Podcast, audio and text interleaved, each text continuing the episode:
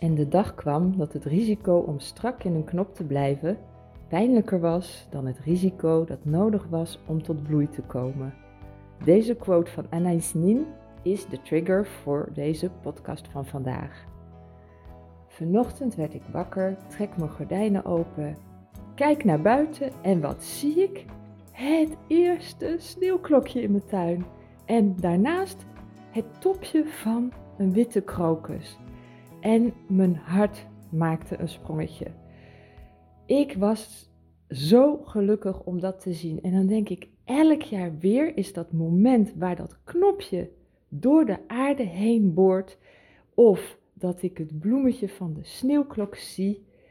Elk jaar weer heb ik dan zo'n gevoel van binnen van pure geluk. En waar dat aan ligt, weet ik niet precies. Ik heb er wel heel vaak over zitten introspecteren. Zo van, oh, uh, ja, dan komt de zomer eraan. Hè? Dus eerst de lente, alles komt weer op gang. En ik heb dan meteen al het hele plaatje van die warme, zwoele zomerse dagen en avonden. En ja, ik weet niet. Terwijl ik eigenlijk helemaal geen probleem heb met andere seizoenen.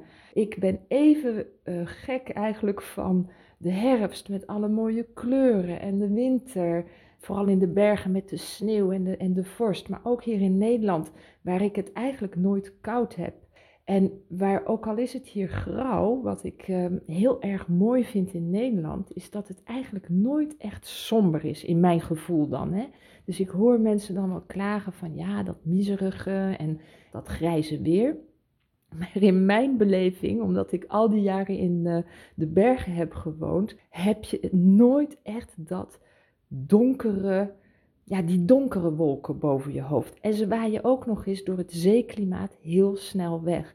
Waardoor het, ja, alles is toch een kwestie van beleving. En dat is wat ik jou vandaag wilde meegeven en waar ik je toe uh, wil inspireren. Hoe laat jij je beïnvloeden door de weersomstandigheden van jouw omgeving? En het kan het klimaat zijn. Ben jij uh, heel snel, ja, zoals ze zeggen, cyclotimisch, dat je afhankelijk bent van het echt het daadwerkelijke weer dat het van buiten is. En ook uh, de cyclotimie van je familie, van je vriendinnen, van je omgeving op een meer ja, symbolisch uh, niveau. Hoe reageer jij op het weer en waar maakt jouw hart een sprongetje van? Waar word jij gelukkig van? En als we dan die quote van Anais Nin weer nemen ter inspiratie. Waar zit jij strak in je knop? Wat eigenlijk pijnlijk is. En wat zijn de risico's die jij zou moeten nemen of mogen nemen of die er nodig zijn, zoals zij zegt, om in bloei te komen? En voor vandaag ga die eens na. In welke dimensie van jouw leven voel jij je nog heel erg strak in het knopje en blijf je daar zitten omdat je eigenlijk nog niet voelt hoe pijnlijk het is en dat je het risico misschien niet durft te nemen wat nodig is om in bloei te komen. En daar is helemaal niks mis mee. Als laatbloeier uh, is het ook van belang om je eigen ritme te volgen, je eigen seizoen in de lente, nu komen de krokussen en de sneeuwklokken, sneeuw, ja, sneeuwklokken omhoog. Straks zijn het de tulpen en later in het jaar zijn het de zonnebloemen. Dus ieder haar ritme en ja, groeit in verschillende omstandigheden en verschillende klimaten. Maar er is ook voor jou een perfect klimaat, een perfecte grond in alle dimensies van je leven en ook het beste seizoen waarin jij kunt gaan bloeien. Dus voor vandaag Ga na, waar zit je nog strak? Neem één dimensie. Misschien zit je wel heel erg strak in de knop in je werk, in je familie, in je vriendschappen. Ik weet het niet, in alles wat belangrijk is in een mensenleven. Of één dimensie. En liggen daar risico's aan? Want je hebt het geld nodig, of je bent bang om te gaan scheiden, of er zijn risico's om, waarvan je weet dat die nodig zijn om te kunnen bloeien die zijn nooit afhankelijk eigenlijk van je omgeving, uh, van, ja, direct van je omgeving, maar echt met hoe jij ermee omgaat. Uh, dus uh, het idee is om deze al even te repertoriëren voor jezelf. En dan te zeggen van ja, wat is het klimaat dat ik nodig heb om in bloei te komen?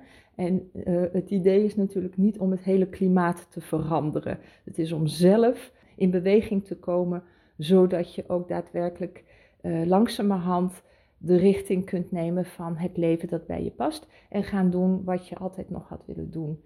En vooral zijn wie je altijd had willen zijn. En ik geloof dat iedereen een inspirerend leven wil leven en geluk zoekt. En geluk komt niet per se van buiten, maar uh, het weer waarin je, je zit, heeft toch invloed. Je kunt nog zo, zo'n happy iemand zijn en zo enthousiast en warm van binnen, als het buiten om je heen vriest. Uh, op een gegeven moment komt die kou, die dringt dan toch naar binnen.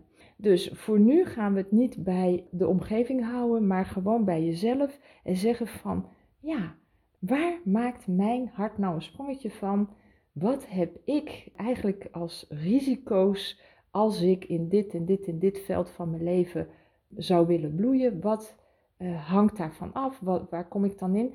En waar voel ik me echt strak in het knopje? Waar voel ik me strak in het knopje en dat is oké. dat daar, daar weet ik dat ik voor nu niet in bloei kom, want het is nog niet het juiste seizoen. En waar, in welke dimensie kan ik wel een beetje kijken, hmm, misschien is daar het risico wel waard en dan gaan we later verder mee. Heel veel plezier vandaag en à demain!